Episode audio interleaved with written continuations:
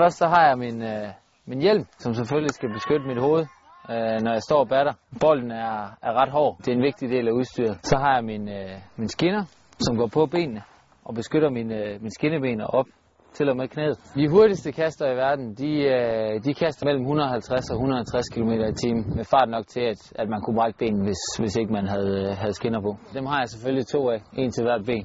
Så har jeg min, øh, min lårbeskytter, som sidder på ydersiden af låret. Sammen med lårbeskytteren, der, der sidder der en inderlårsbeskytter. Min skridtbeskytter, måske det vigtigste stykke udstyr, vi har. Min bat, de fleste spillere har, har et eller flere bat at, at bruge. Hvis det, man spiller med, går i stykker under en kamp, jamen, så er det rart nok at have en, man, man, man kan bruge. Det er min nye bat, ja, som øh, jeg håber på at kan komme i gang med at bruge i år. Træet er, er, er ikke presset så hårdt, så det er nødvendigt, at man lige spiller det lidt til til, til træning. Min handsker, hvor jeg har en, øh, en del bare i min taske. I løbet af sådan en kamp der, når man begynder at svede, så, øh, så har handskerne en tendens til at, at blive glatte. For at kan holde fast på battet, jamen, så er man også nødt til at, at have nogle tørre handsker. Som det sidste, jamen, så har jeg, har jeg to bolde.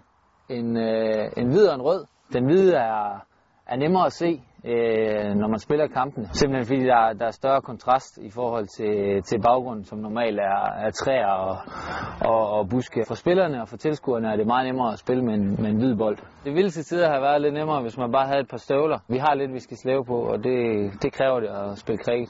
Så har jeg udstyr her for små 10.000 eller sådan noget. Hvis jeg har min taske pakket kun med kriketudstyr, så har jeg 13 kilo cirka.